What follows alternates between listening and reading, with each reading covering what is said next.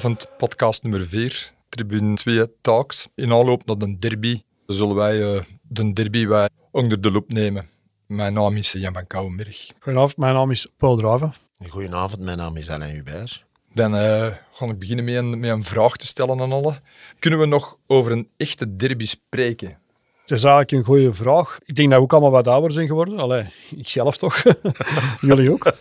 Dus die beleving met de derbies van in mijn jeugd is natuurlijk ook helemaal anders. En dan uiteraard ook het, het, zeer belangrijke aspect dat er in, uh, in 1999 toch de, de club in het zuiden van de, van de stad toch eigenlijk een beetje is opgehouden met te bestaan in de originele gedaante. gedaante ja. Dat geeft toch wel een, een ander gevoel. Ja, het is, voor mijn part is het nog een derby, omdat het twee lokale rivalen zijn. Maar voor mij, echte beerschot, dat is ja, in, in mei 99 tegen Rita Berlaar, is dat geëindigd. Hè. Die avond was er dan op de Wilrijkse plein nog een rouwtint.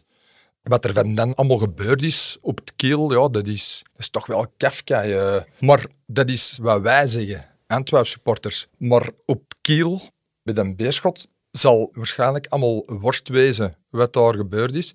En, dan moet ik zeggen, de geschiedenis van een club verandert niet, maar evolueert wel gedurend. Maar die nieuwe generatie beerschot-supporters, die gaan heel rap hun geschiedenis of recente geschiedenis vergeten of willen vergeten. Wat mij er wel een beetje in opvalt, dat is dat ze ook helemaal in aarde hebben ja, willen bewegen om die memorabele stamnummer, Stamnummer 13 te ja. terug te kunnen koppelen. Als je nou eens even, ik heb ook wel opzoekwerk gedaan naar aanleiding van deze podcast. Als je nou even op die website gaat zien, buiten dat dat dus pijnlijk is aan je ogen, ja, stond er alleen maar een beerschot op in, in, in, dat logo. Die een beer met die drie eikels, uh, die verwijzen naar het verleden. Het zijn er meer, hè? Maar, oh nee, nee, nee, het het logo zijn- wel. in, het lo- in het logo dus. Hè. Allee, ik heb hier vandaag niet de ambitie om die mensen eh, plat te branden, maar Nee, dat men daar met een, een ongelooflijke overlevingsdrang, drift zit, ja, dat kun je niet ontkennen natuurlijk. Ja, want je moet ook zien hoe dat het beerschot ontstaan is. Hè. Eh, Klopt. Binnen de spelersgroep van Antwerpen, FC. eh, aan het eind van de 19e eeuw ontstonden daar sociale spanningen. Sommige spelers wilden tijdens de verplaatsingen, die heel een dag in beslag namen, in een chic restaurant eten. Anderen die eh, prefereerden de frituur. Maar dat het voetbal voor sommige spelers te duur werd, dat was niet alleen bij de Antwerp een verschijnsel, maar sommige clubs, de spelers, de, die wilden de competitie in 1899 opgeven, omdat de kosten te hoog opliepen. En eh, daarom dat er ook veel ploegen niet het aantal benodigde spelers mee op verplaatsing nam in die tijd. Nu, even daarop inpikken. Jan. Ik heb het gevoel, want er was al sprake van Beerschot als omnisportvereniging, een jaar of vijf voordat eigenlijk de voetbalclub is ontstaan. En die, als ik zo de geschiedenis hè, mag geloven, hetgeen ik heb gelezen onder andere, ja, dan komen die er wel heel sterk uit qua accommodatie. Wordt dan daar al ergens een bepaalde, ja, een bepaalde klasse gecreëerd van mensen die het dan wel... Hè, want was in, in het begin was het dan een, een, een renbal waar ze met paarden bezig waren. Dus als je het woord paarden en renbaan hoort, dan denkt al automatisch onwelstand en ongeld. Dus heeft het dan daarmee te maken. Ja, het is... Het is Ik denk persoonlijk dat dat er altijd, nog altijd in andere sporten, ook nog altijd eh, ingezet en nog altijd in zit. Gelijk als bij hockey bijvoorbeeld, beerschot. Ja, ik bedoel, dat is ook zo een elitaire sport, bij manier van spreken. Dat elitaire, voor mij persoonlijk, dat heeft er altijd zo wat doorgeschemerd, zo, door Ja, in de geschiedenis. Antwerpen was, Antwerpen ook een omnisportvereniging op een bepaald moment. We hadden ook een hockey Ja. en, en, en, en dus ja... Maar meer naar de common people. Ah, ik bedoel, de... Maar Ernest Grisaar, Ja. in, in 1895 doet hij die omnisportvereniging. Die heeft nog een voetbaltak nodig. Zijn zoon Alfred Grisaar heeft eh, een aantal wedstrijden voor de Antwerp gekeept. En ze zijn op zoek naar een voetbaltak. En waar gaat hem die vinden? Bij Antwerp.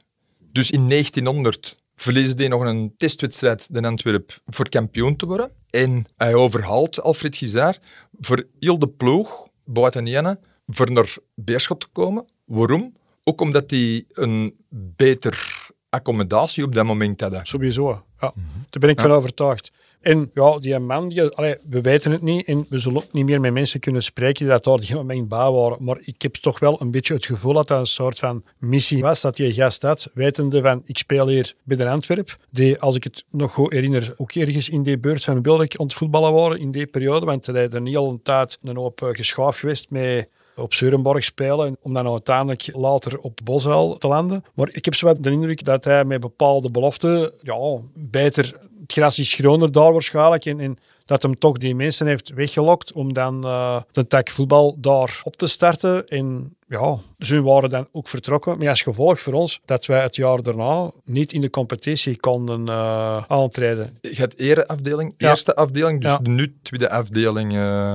Als je dan spreekt over rivaliteit, dan denk dat er daar al bij het begin van Beerschot eigenlijk al een, ja, een probleem was. En dat was, dat was op dat moment niet geografisch. Nee. Want de Antwerp komt begin 20e eeuw komen die in de, in de Broodstraat en in de Kruisstraat te spelen. Dus geografisch was dat niet, dat was eerder sociaal-economisch. En waar was die Broodstraat? Waar was die dan ergens juist gelegen? Welke wijk? Ja, op het Keel. Op het Keel. Ja, die, zijn, die zijn alle twee verdwenen, hè? Ja. De, de Kruisstraat en de, en de Broodstraat. Maar dat wordt toch wel beschreven als het eerste grote conflict. Hè? De Antwerpen heeft meerdere conflicten gekend, maar het eerste grote conflict was het eerste elftal van Antwerpen maakte de overstap naar Beerschot. Hè? Klopt. En dan nog eventjes over de naam Beerschot. Uh, heb ik nog iets teruggevonden. Dat was een akte van bischop Nicolaas. Dus niet Sint-Nicolaas, maar Nicolaas. Dat is een akte van 1155. En het gaat dus over dus het gebied, waar het dus momenteel nog altijd het keel en aanverwanten is gevestigd.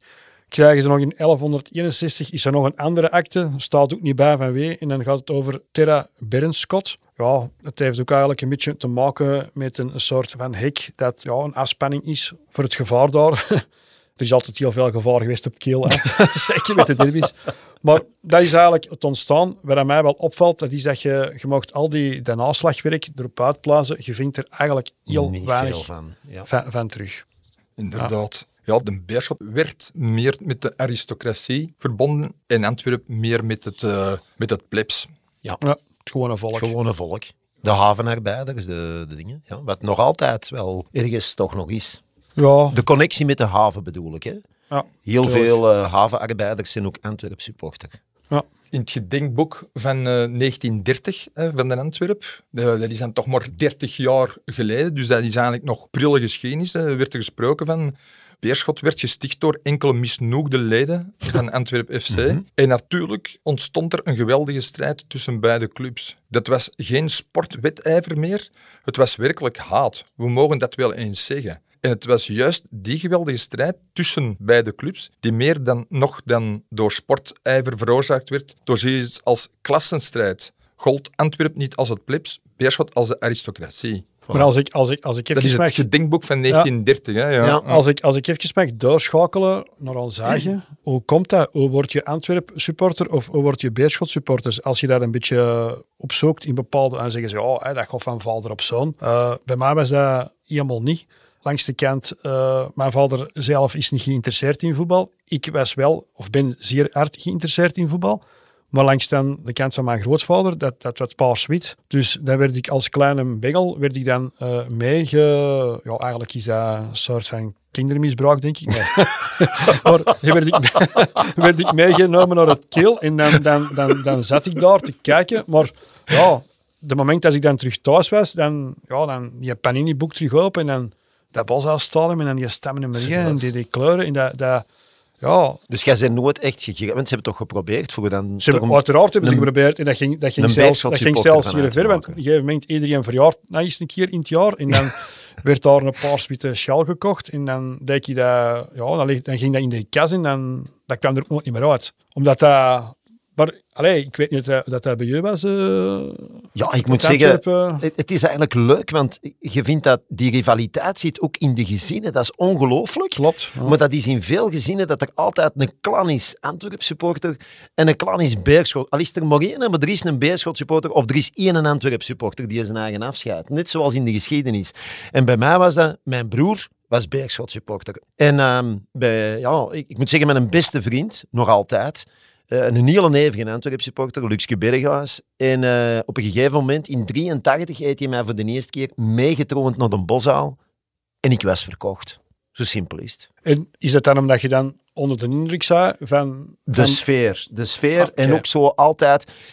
Ik heb het ook altijd zo gehad voor de underdog. Zo. En degene waar het meeste op gekapt weer en zo, dat was voor mij, vond ik de sympathiekste. En ik weet op Antwerpen weer veel gekapt en zo in de competitie en zo.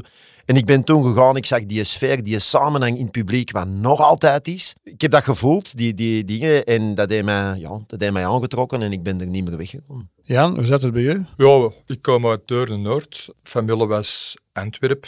En in mijn omgeving was, eh, was alles Antwerp. Dus dan is het logisch dat je, Ja. dat je in die eh, Ja, we, voetstappen we volgt. we komen een stukje meer en meer naar die beleving toe. Als we nog even over ons, onze eigen beleving mogen spreken. Hetgeen je net aanhaalde, Alain, de eerste keer op de Antwerp. Het was thuis een gouden regel. Ik moest op alle vakken 7 op 10 halen. En dan ging mijn vader, dat dan geen voetbalmens was, die ging dan met mij naar de Antwerp. Ja, dat waren natuurlijk... Die lat lag heel hoog, want scholen was niet echt mijn ding. Maar ja, en dan, maar dan die weinige keer dat ik er dan toch eh, voor beloond werd, slaagde, ja. dan, eh, dan zat ik daar... eh, ik zat wel in het college in die periode, dus dat was, dat was nog niet zo laag niveau, maar... Nee. dan, dan, dan kom je er binnen en dan zit je inderdaad onder de indruk van die, die twee gigantische bochten, hè, die, Ja, die ja, vlaggenmasten met al die kleuren van die voetbalteams, dat eigenlijk het klassement was. Dat was toch wel redelijk... ook altijd wel zo het gevoel van, ja, is hier nou veel volk of niet? Maar zo... En dan, met wat ouder worden, ja, die grimmigheid, hè, dus dat, het gebeuren achter dat doel, eh, ja, dan is dat dan die X-site is dat dan geworden Klopt, daar. Ja. Dat vond ik allemaal wel, dat trok me ongelooflijk aan. En ja, ik moet dat eerlijk bekennen, bij honderden van, van die jonge gasten in een tijd eh, was dat zo'n beetje, eh, ja, de Antwerp, die, dan terug naar de beginjaren te komen, die verliezen hun eerste derby met, met CZN. Maar ja, hadden ook geen ploeg. En dan komt er op een bepaald moment, twee jaar nadat ze hun ploeg dus aan het keel hebben eh, moeten eh, Afgeven. afgeven, is er een, eh, een internationaal toernooi in eh Tourcoing. De beste teams uit België en Frankrijk traden hier aan. Voor Beerschot was dit geen verrassing, vermits het team een ervaren spelers bestond. En tot een van de beste teams van Europa behoorde. Voor Antwerpen was dit echter wel een verrassing, vermits zij hun hele elftal nog geen twee jaar geleden hadden verloren aan, aan de Beerschot.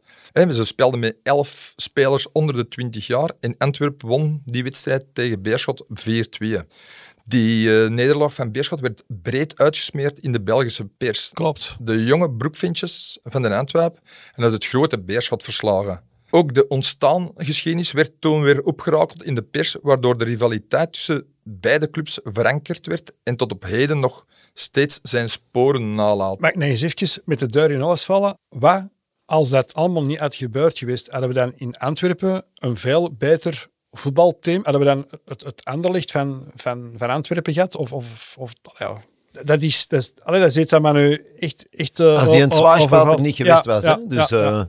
Ik denk persoonlijk van wel. Want je hoort ook altijd mensen zeggen van, ja, maar dat we die ploeg moeten we sponsoren, dan moeten we die andere ploeg. Dus er is ook Klopt. altijd wel een reden om Klopt. het niet te doen. Ja, dat is ook een drogreden in, in veel gevallen. Dus eh, ik herinner me nog in die periode dat we, dat we zes van de zeven jaar Europees speelden. En, en, en dat was het ook heel moeilijk voor een shirtsponsor te vinden. Zal misschien de voorzitter die dat onder macht was, misschien wel, wel tussen zitten. Maar, maar vrij snel wil ik dan even doorschakelen naar onze eerste kampioenentitel. Jan, je hebt er net gezegd van een, een was een piepjonge ploeg. En ik citeer uit dus Fernand Collin, die toen voorzitter was. De eerste titel in het eh, heilige jaar 1929, dus het kampioenschap 28-29. En dan citeer ik eh, de voorzitter, een piepjonge nomadenploeg die dus op 16 juni 29 in een testwedstrijd, de zogenaamde Bellen, op het veld van Racing Mechelen in de laatste vijf minuten van de wedstrijd de landstitel, het kampioenschap Klopt. binnenhaalt. Dat seizoen dat begon ook weer met een conflict. Hè. Antwerp club aan conflicten. eh, er was een oneenigheid eh, tussen eh, NV Stadion en het clubbestuur, de VZ2 RASC. RASC. En door dit conflict kon eh Antwerp zijn thuiswedstrijden dat seizoen niet op de Bosuil spelen, maar de ene thuiswedstrijd op Berchem en dan de andere Klopt. thuiswedstrijd op Beerschot. Ten einde van het seizoen eindigen ze met gelijke punten en dan is die bellen op Ja. Racing Mechelen beslissend geweest eigenlijk. In de competitie was het eigenlijk ook wel vrij straf. Dus Antwerp verloor thuis met 2-3 tegen Beerschot. Dat zal dan waarschijnlijk op een van die velden geweest zijn, Mhm. omdat ze geen thuiswedstrijden konden spelen. En op Beerschot werd hij met 0-3 gewonnen. Dus dat is maar even de situatie van de sterkte van beide teams. En wat ik ook wel heel belangrijk vind, en dan, als je die naam gaat horen, dan gaat je zeggen, oké ja, eh, uiteraard. Het eerste doelpunt werd gescoord door een zekere Désiré Bastin. Ah, de familie Bastin. En de familie Bastin is, ja, die zijn al, ik vind het al terug in, in het begin, begin van de eeuw, dus 1929. En tot op de dag van heden is er nog altijd een Bastin actief in de club. Allee, ik vind dat toch ook wel iets, iets, Absoluut. iets ook speciaals. Pakken eh, in de jaren 20. Hè, de Antwerp wint in hè, 16 juni 1929 dus die testwedstrijd. Maar het Beerschot ook een top elftal. Die waren vijf keer kampioen geworden in de jaren 20. Hè. Ze, ze behalen zeven titels in totaal, waarvan vijf in de jaren 20. Ondertussen hadden die perikelen met die eh, stadion, hè, want in 1923 vertrekken wij naar Deurne naar. Deurne, Ja. Deurne hè. Ook door het keel beschouwd als boerkjes van de, de voorkempen of van Deurne. Dan begint die rivaliteit stilletjes aan wel geografisch te, te worden. worden. Ja, klopt. Als je die, die foto's ziet van de bouw van het, eh van het, van het Boshaalstadion, ja, rondom rond, dat waren inderdaad velden. Maar allee, ik vind dat nogal een vrij pff, gratuite ja, uitlating tegenover ons, omdat ze hunzelf ook in een lusthof gevestigd waren. Dus ja, ik, ik, denk, niet dat je het huidige... Nee, maar het staat het in een tekst. Hè? Dus ik denk niet dat je nu van het keel nog een lusthof kunt maken. Al- Allee, toch niet echt mijn ding momenteel. Maar, dus dat was eigenlijk ook de buiten. Hè? Dat, was eigenlijk, dat was eigenlijk een soort van ja, afspanning tussen, tussen de Schelde, Kronenburgstraat en dan de Waagkeel. Dat Dus- waren dan de voorkempen en uh, met dat lusthof. hè, zelfs. Volgens mij de achterkempen, maar allee, zwart. Eh, dus, maar als je dan ook nog een beetje nakijkt, dat, dat, dat, allee, ja, die, die, die euforie hè, in die teksten. Dus ik, ik, ik, allee, ik zing hier nog voor. Hè, wie herinnert zich de, jubel in de fantastische rondendans schrijft dus de, de toenmalige voorster. En dan zie je de, foto, waaruit dus ja, de, zijn eerste tekenen van een pitch invasion. Dus mensen met, met vlaggen, allemaal wel mooi in kostuum en een bollout. Dus dat is eigenlijk ook al wel... Ja, er moet daar toch wel... Vrij chic toch wel. Er moet er Ja. toch wel, ja, ja, we waren dan niet de aristocraten, maar, maar toch ook allemaal vrij chic, allemaal opgekleed. Dus er, er moet, toch wel, er moet toch wel iets van rivaliteit in, in, in, in ja. Ja, en die rivaliteit die is eigenlijk ook niet in de kiem gesmoord, maar in 1912 is er een oprichting van de Entente, de Antwerpse verstandhouding. Dat is in 1912 en in 1921 werd die officieel. En krijgen die zelfs een stemnummer, 193.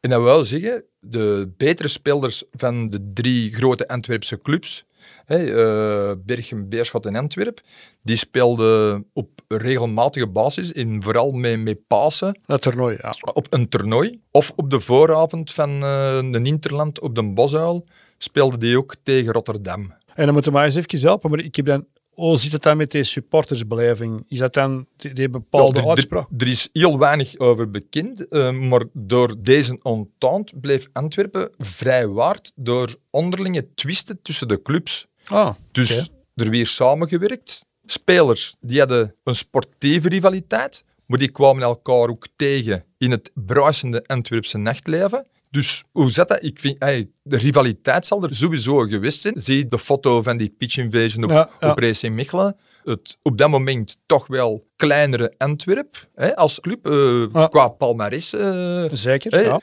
heb ik wel, wel het gevoel dat daar een, een rivaliteit heerst, maar niet zoals op bepaalde momenten nu Ja. plaatsvindt. Maar ik denk ook dat, dat als ik even mag, Tuurlijk, ehm, tuurlijk. dus dat die dingen, die entente ervoor gezorgd heeft dat die rivaliteit een beetje geluwd weer.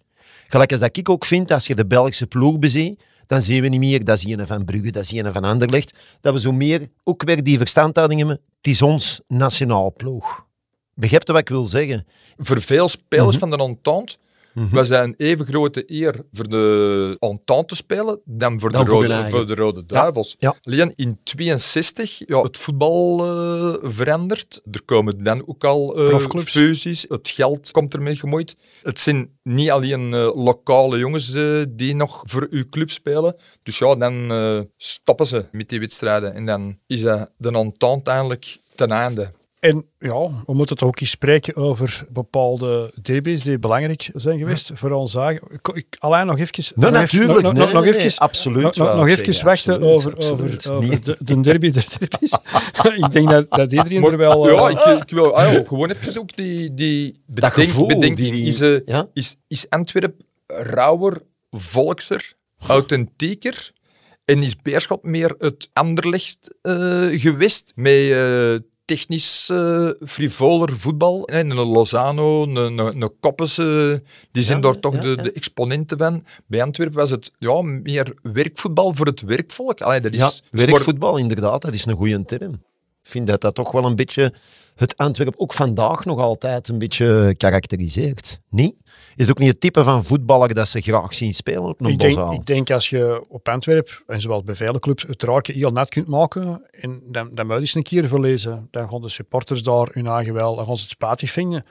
Maar als je, ja, als je de kantjes eraf loopt, zoals bepaalde mensen, waar ik er allemaal niet van ga noemen, dan, ja, dan worden natuurlijk ook zeer snel vergraast. Eh, ik zie dat je trekt het begrijpen al aan, want je begint al te lachen.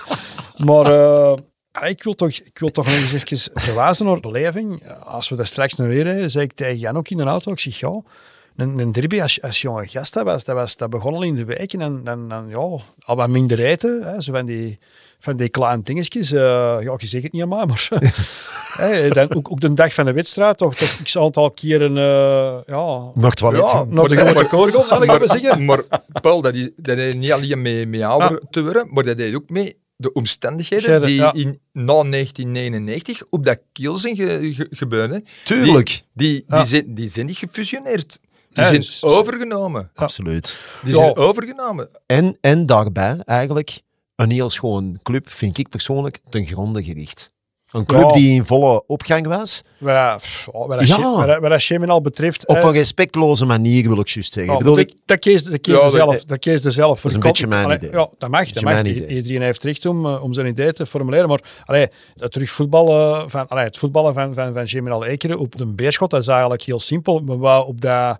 Allee, we konden zo gezegd niet meer uitbreiden op dat, op dat veldwaakpark. Maar waarom moesten ze uitbreiden? Ah, de Ja, maar dat, dat is toch gewoon Ja. terug te vinden op vragen. En, en dan in mindere mate Hofmans, die ook geld wouden verdienen aan, aan het voetbal. Hè. Klopt, Eh, klopt. Je bent niet vergeten dat als ze bij ons kwamen, in eerste instantie wouden ze alleen maar spelers leveren, om die dan deur te transfereren en de winst te cashen. maar zit daar dat elitaire ook zo'n beetje niet in? Zo, dat, allee, ja, wat ik er juist zei van dat respectloze. Ik bedoel daarmee dat als ze met, met Germinal... Nee, maar wacht even, Paul. Met, met, met Germinal, dat dat zo was van... Dat was niet meer als vanzelfsprekend. Ik ken mensen die daar de eerste wedstrijd nog toe gingen met een Germinal, weer En dan, kreeg, en dan kregen die een aandruk van merci mannen. Maar ze moesten niet proberen van er nog een tweede wedstrijd te doen, want dat was hun beerschot. Dat was daar beerschot. Nee, maar ik wil even uitleggen, Paul. Ik wil een na live de vraag stellen. Stel dat Antwerp een faillissement tegemoet gaat, hè, eh, de, de, de donkerste wolken boven de bos al, en we overleven het niet. En er komt een fusie van A, is dat vooral nog altijd de Antwerp? B, hoe gaat de met die fusieploeg om? Ja, dat is maar een vraag. Dat is, Ik dat wil is daar ehm, op antwoorden dat je dat nu niet kunt beantwoorden. Alleen voor wijgen. Want, ik persoonlijk want, wel, maar ja. Ja, eh, je zult toch, als die moment, en ik hoop dat je er nooit komt, er is, dan zal het ook wel gaan met wat wil de meerderheid Keuzes. en, keuzes maken. Mhm. Persoonlijk had ik terug begonnen in vierde provinciaal, Ja. zoals Beveren het gedaan heeft. Maar nu heb jij als Beerschot zijnde dat dingen aanbod van Germinal aangenomen, maar op een bepaald moment, en dat is dan later in na het tweede faillissement, dan ga jij stemmen voor wie in een zaltje in, in Aartselaar, bij wie gaan we ons Aansluiten. aansluiten. Bij Sint-Niklaas, ah ja, de meeste mensen, of bij Wilrijk. De meeste mensen op die avond stemmen voor Sint-Niklaas. Was buiten de waard gerekend, in dit geval de burgemeester van Sint-Niklaas, Willox, die zei van, eh Nee, nee, deze niet. Ah, oké, dan gaan we maar in bed liggen met Wilrijk. zonder de belofte te hebben van op het keel te gaan spelen. Hè. Er is, in het begin was daar geen sprake van. Allee, ja, ik herinner me nog levendig, die, die voorzitter van, van Wie Wil ik, die kwam verklaren op TV van, oh, nee, we zullen dan een paar tribunetjes bijbouwen. En, eh, Klopt, natuurlijk, ja. natuurlijk daar zie je de kracht van het volk. En dat moeten ze wel nageven. Ze hebben een, wij hebben dat ook. Hè, maar ze hebben ook een ongelooflijke overlevingsdrang. En allee, ja, los van het feit dat je er niet mee kunt akkoord gaan, maar ze krijgen het toch maar klaar. Hè? Inderdaad. Ze lappen het toch wel. Hè? Die tonen ook wel een, een serieuze weerbaarheid, maar die zijn ook nooit echt de straat opgekomen, zoals wij een aantal keren hebben gedaan. Ze waren toen met de stemnummer kwestie ook uitgenodigd voor mij op te lopen van de Grunkpluts naar het stadhuis. Maar ja, dat hebben ze niet aan, eh, aangepakt. Ja. Inderdaad. Ja, het zit allemaal wel complex in elkaar. En wat ik eigenlijk altijd wel terugvind, dat zijn gevoelens. Als je nu bijvoorbeeld het verhaal van, van de Glasgow Rangers pakt, het is ineens ook naar beneden gezet. Hè, wegens faillissement en, en allerlei soorten misbestuurlijke zaken door. Ja, die zijn dan wel vrij snel, jaar na jaar. En dan, dan kun je nog ergens zeggen van, ja, waarschijnlijk is dat dan daar voor die mensen nog dezelfde club. Alhoewel ik er een paar ken die ook zeggen van, oh nee. Er zullen altijd wel mensen zijn die afhaken. Er zullen mensen bij zijn die, dat Die er- die daarbij komen. En met wat heeft dat te maken volgens mij met successen. Zo simpel is dat.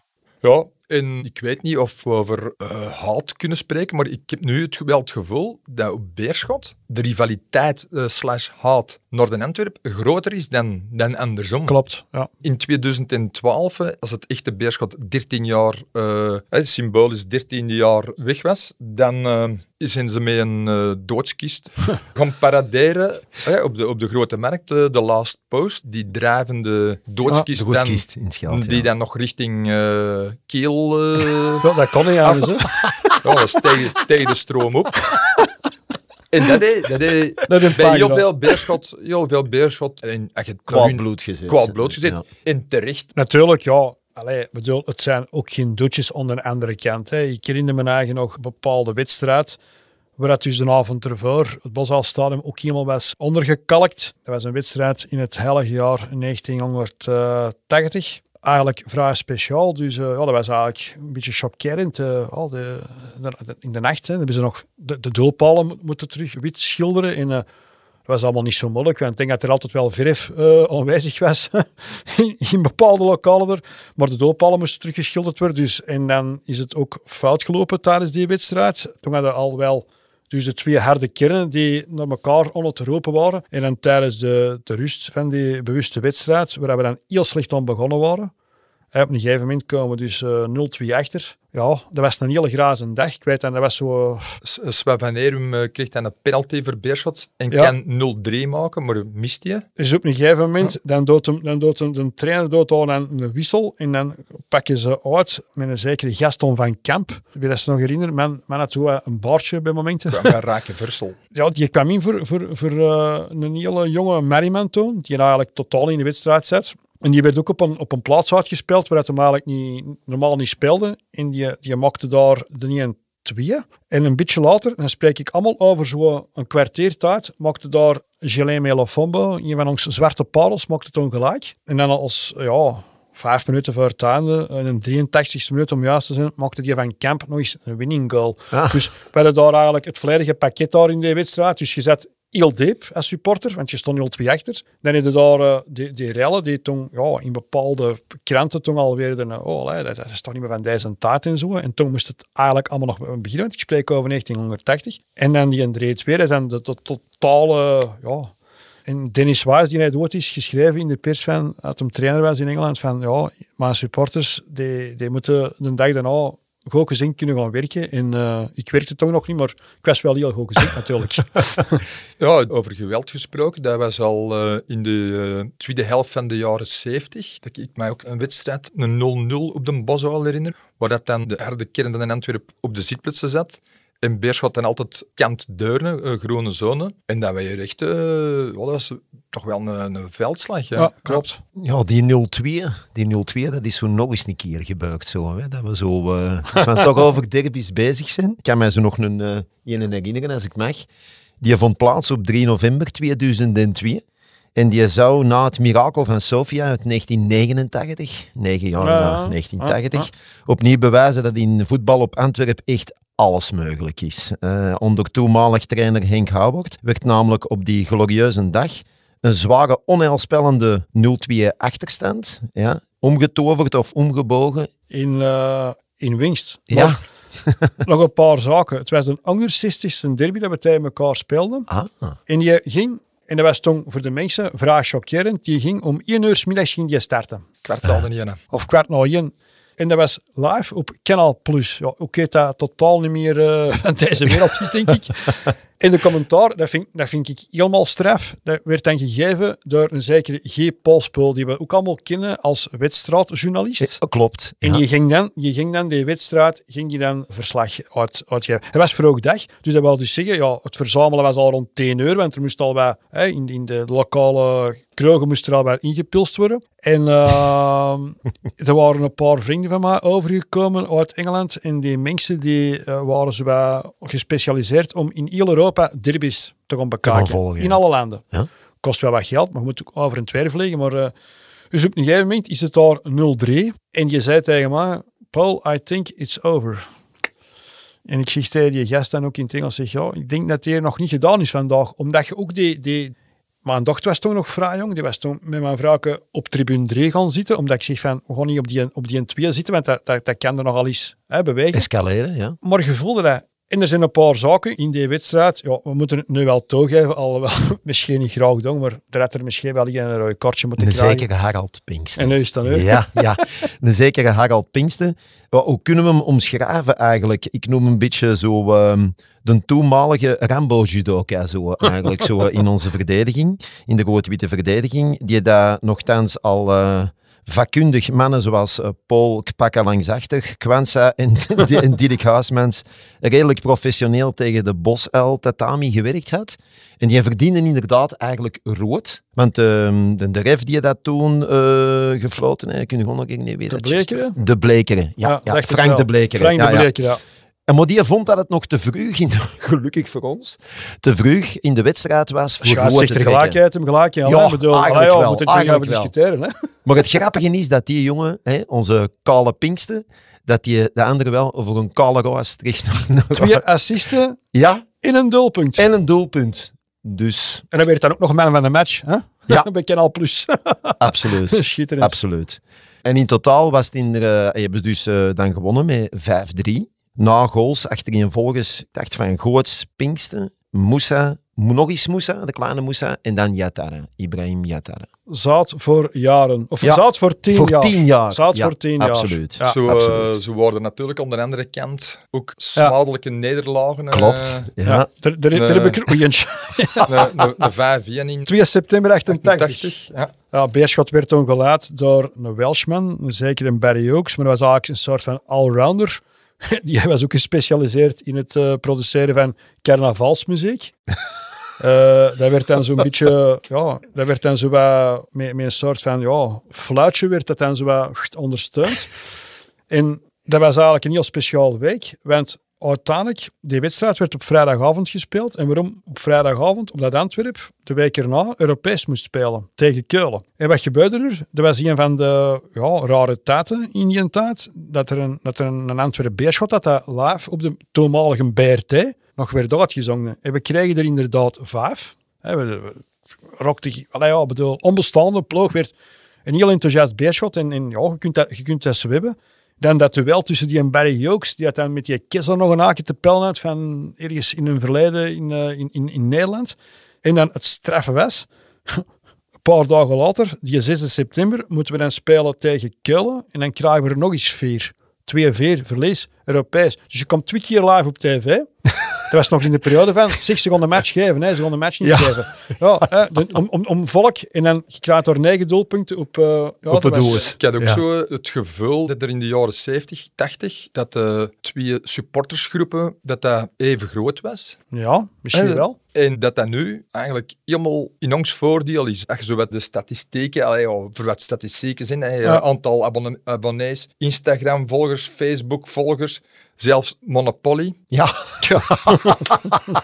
Hebben, Ja, dat is juist. Hebben, hè, konden kiezen het laatste vakje tussen Ja. Of Olympisch Stadion. En dan Geweldig. mocht gekozen worden door het publiek. ja. En dat is dan ook in Antwerpen geworden. Dus ik denk wel dat failliet gaan in 99, dan terugkomen met, met een vragen. En dat verhaal, dat klopte niet voor veel eh, supporters. En dan met Van Oppen een doorstart. Een doorstart hè, eh, Ja. De man van het berenpak, die de Antwerpen nog eens in vraag stelde of dat ze de licentie wel... eh, Ja. En dus die stelde wel dingen terug op scherp. Klopt. Hè, in 2012 met de overname van Hofmans en dan Gram op ATV, die het einde van onze club. Ja, ja. Hè, we moeten maar eens op een beerschotforum gaan. Er zijn Dan- leuker dingen, denk ik, Ja. dan wel zwet. Dan, ja, Dus over scherp stellen, die, is die bewuste wedstrijd daar, hè, met de carnavalsrolfluit hè, van Barry Oaks.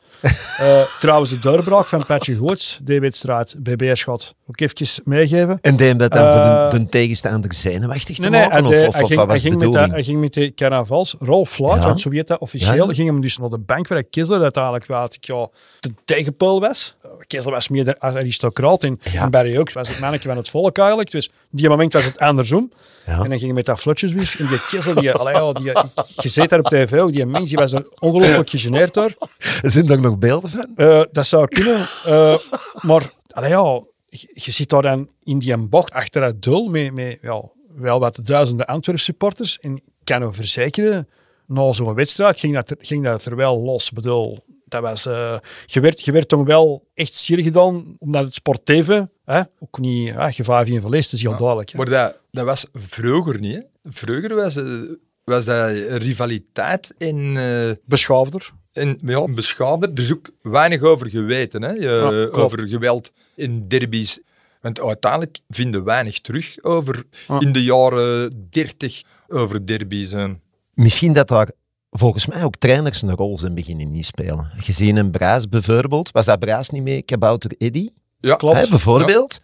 Daarmee dat ik dat vroeg van dat fluitje, omdat ik zoiets had van... Er, er worden toch altijd trucendozen open gedaan voor zo eh, te zien dat er toch weer wat commotie ontstaat. Of Ja, Kabouter die- maar- Eddy maar- vond maar- ik... En dat heeft geholpen hè, voor die mannen toen op dat moment. Inderdaad, inderdaad. Alleen spijtig dat eh Mark Brijs later heeft gezegd, of de dag daarna gezegd, ja, ja, maar dat, die hebben wij er gezet, die kabouter. Ja, dat, dat, dat, deed de een mystiek beetje, weg beetje was. de, de Mystiek mys- weg. mystiek weg. Hè, Ja. ja. En die winnen ze eh, met, met 0-4. hè. We hebben allee, tien derbies gespeeld. Allee, derbies tegen Geminal Beerschot eigenlijk. Ja, dat worden dan ook een beetje in de statistieken. We hebben er zeven verloren en drie gewonnen. Maar geen nooit. De cijfers komen, komen nog wel goed. Wat de derbies betreft. Ja, als je dan toch over cijfers eh, spreekt. Antwerp-Beerschot tot 1999. Hè, eh, aantal wedstrijden, t- derbies 221. Hè, daar wint er 97 van. Verlies de 78. En de draw in een gelijkspel 46. Goals voor 411. Tegen 356. Dus dat is Ja. wel leuk.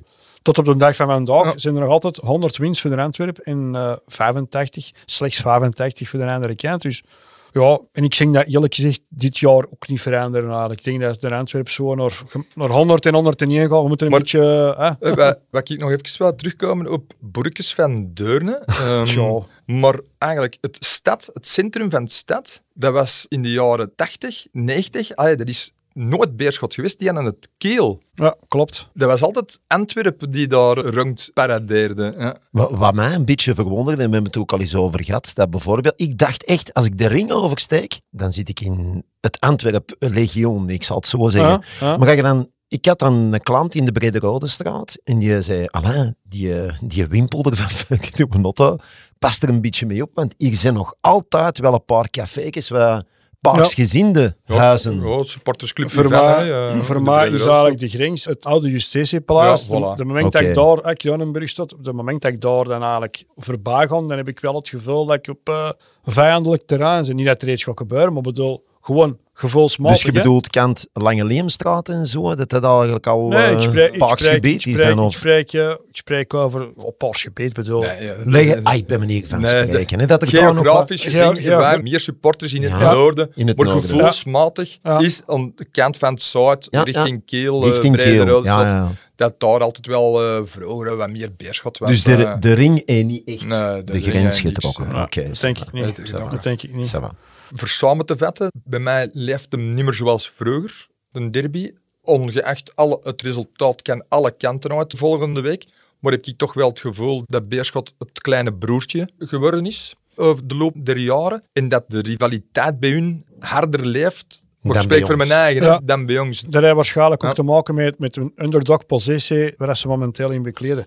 Ik wil nog, nog even refereren naar een bepaalde derby waar ik ook zelf nog wel Ja. eh, een heel grappige anekdote heb. Dat is eigenlijk een wedstrijd die eigenlijk totaal niet veel voorstelt. Het blijft natuurlijk een derby. Dan spreken we over 18 juli 2010. Dus de beruchte Antwerp-Gemenal Beerschot, waar dan de ja, bijna uitgerangeerde bestuursleden eh, op de balzaal daar in een kolkende tempel komen. Oh, Eh, Put, Putke Zomer, Putke? Zomer. Eh, vriendschappelijk. Een We- tweede we- klasser tegen een eerste klasser. onze, eh. onze vriend Tom Waas was daar met zijn uh, het, het bultje wat aan het toepermen. Als je nog niet warm Klopt. genoeg hebt. Eh, maar wie was dan in een tijd de trainer? Colin Andrews. Colin Androos, maar wie was de assistent trainer toen op die moment? Dus we hadden dus een probleem met, met Radko Sviller. Die had dus ja, met een barbecue brandwonden had opgelopen. Dus de Colin die pakte over. En Alex Klak was toen ook Ach. gepromoveerd van ja, die had dat een beetje als ja, freelance deed, want dat is eigenlijk iemand die, die, die ook werkt als buschauffeur. Ja, ik ken die dus ook van het werk vrij goed. Eh, ik heb hem in een tijd ook geholpen om... om Om aan een job te Oh, geraken. ja, ik bedoel, dus er is ook niks mis mee om te werken. En ja, hij belt me op en hij was zo nog zo, ja, Paul, ik heb een probleem. eh, ik raak niet op tijd op die club. Ja, oké, ja, goed. weet je wat, Alex? Ik zal doen. Ga eruit met jouw bus om dat deuren daar binnen. Ik zal haar aan een busdepot komen ophalen. Dus, so far so good. Ik stond hier erop te wachten. En Alex van het deuren uit, en zeker toen dat hem daar eh, assistant coach slash keeperstrainer was, was een hele zenuwachtige mens. En, en Oh, en, oh, stond hem daar, hè. ze biedt hem van de laan en, en, en oh, met een sportzak. Ik had toen een vrij klein auto ook in, uh, ik die op. Je kent het allemaal, borgerhout de ring op. En wat gebeurt er dan? Die, sportzak die wordt open, opengetrokken en die begint zijn eigen om te kleden. in die auto. Heel begrijpelijk, want je wil dus zijn opwachting maken Ja. in Antwerp trainingspak. Ja. Maar schoon weer, redelijk veel volk op die ring. Klein Ik zit, mens. ik zit daar met een stevige, uit de klote gewassen kerel nu van mij in die auto. En ik zie dat er mensen normaal, alleen al onze auto, zijn. En ik zeg, Alex, wat doe je nou? Uitkleden en op mijn gust. En, allee, joh. En mens zit hier in zijn slip in, die auto. Allee, joh. Dat ik denk van, come on. Alles voor de club, jongens. Maar dat zijn ook zo van... allee, die mensen dan op taart kunnen Alles aanpelsen. Daar met een bisschop of Vlaan was ik al blij dat we dan die, ja, wel te slaan indraaiden. Dat je, dat je gesteld werd, dat je er op een normale manier kon uitstappen. Maar dat zo... Ja, en dan de beloning was natuurlijk de 1-0 winst, de doelpunt van, eh van Jannik Put. Hè. Dus eh, dat is zo'n anekdote. En zo zullen er nog mensen wel... eh, wel, Jakke, aan u de eer. Heb jij zo nog een speciale herinnering aan derbies of zoiets? Of, Ja, eh, nee, niet, niet echt. eh eh, nee, dat gaat vervalt me een beetje. eh. Nee, bij mij eh, is er wel een en dat was op april 2003. Ik titel hem Frankie Bouten, want ik was er eh, nog toegetrokken. Dat was voor mij mijn meest memorabele ervaring als Antwerp supporter op het kiel. En ik zeg niet als een onvergetelijke ervaring, want ik ben blij dat ik het nog kan navertellen zonder de spreekwoordelijke kleerscheuren. Ik had me namelijk incognito en helemaal alleen met mijn sjaal goed weggestoken onder mijn trui, weten weg te werken binnen in het GBA-vak, tussen de zware jongens.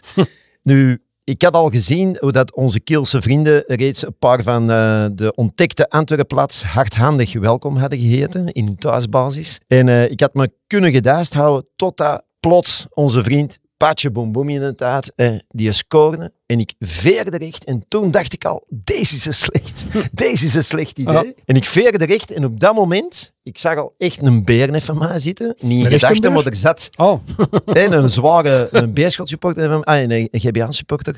Eh, eh, niet vloeken. En eh, ik vloog recht. Ik zag die aan mij kijken. Ik zeg, nu moet ik, alleen provist gewijs, direct iets vinden. En ik zag Frankie van der Elst in een dugout zitten. En ik begon te roepen, Frankie Boten, Terecht, Frankie. en tot mijn grote eh, geluk eigenlijk, zag ik die even maar naar mij zien en die zei... Ah jij gelijk! En die sprongen allemaal recht. En die begonnen toen te roepen Frankie Boat. Dus ik dacht, oké, Alain en Naya de Bakkes, totdat de wedstrijd gedaan is. Maar ook dat ging niet door. Want in de tweede helft, en daar had ik een gloeiige eikel aan, begonnen ze te scanderen. Natuurlijk in dat vak. Beerschot! Ik, shit. Beerschot, shit. Maar die had dat ook door. En die zei tegen me, hey, makker, wat zit je hier roepen? Ik zeg, makker, je gelooft het of niet, maar de pollen hangen in de lucht. Het was prachtig weer. De pollen hangen in de lucht. Ik heb een allergie. En ik heb eigenlijk een zakdoek nodig. En geloof het of niet, die is bij zijn maat een zakdoek gaan halen. Voor mij die zakdoek te geven voor de vind ik, eh, vind ik heel sympathiek. vind, ik krijg tranen in mijn ogen. Eh, wel ja, ik ook. Het is spijt dat de mensen het niet kunnen zien. Maar op het einde, Ik wou dat stadion zo rap mogelijk buiten geraken en ik krijg die berenklauwen niet eens terug van achter. Ik ja, nou Janker aan. Het is gewoon geweest, nou is het gedaan. En je zei, hey, ga ze wel een bonne gast. Maar ik heb al eigenlijk nog nooit niet gezien. En ik dacht in mijn eigen beste vriend, ga mij hier ook nooit weer zien. Schitterend.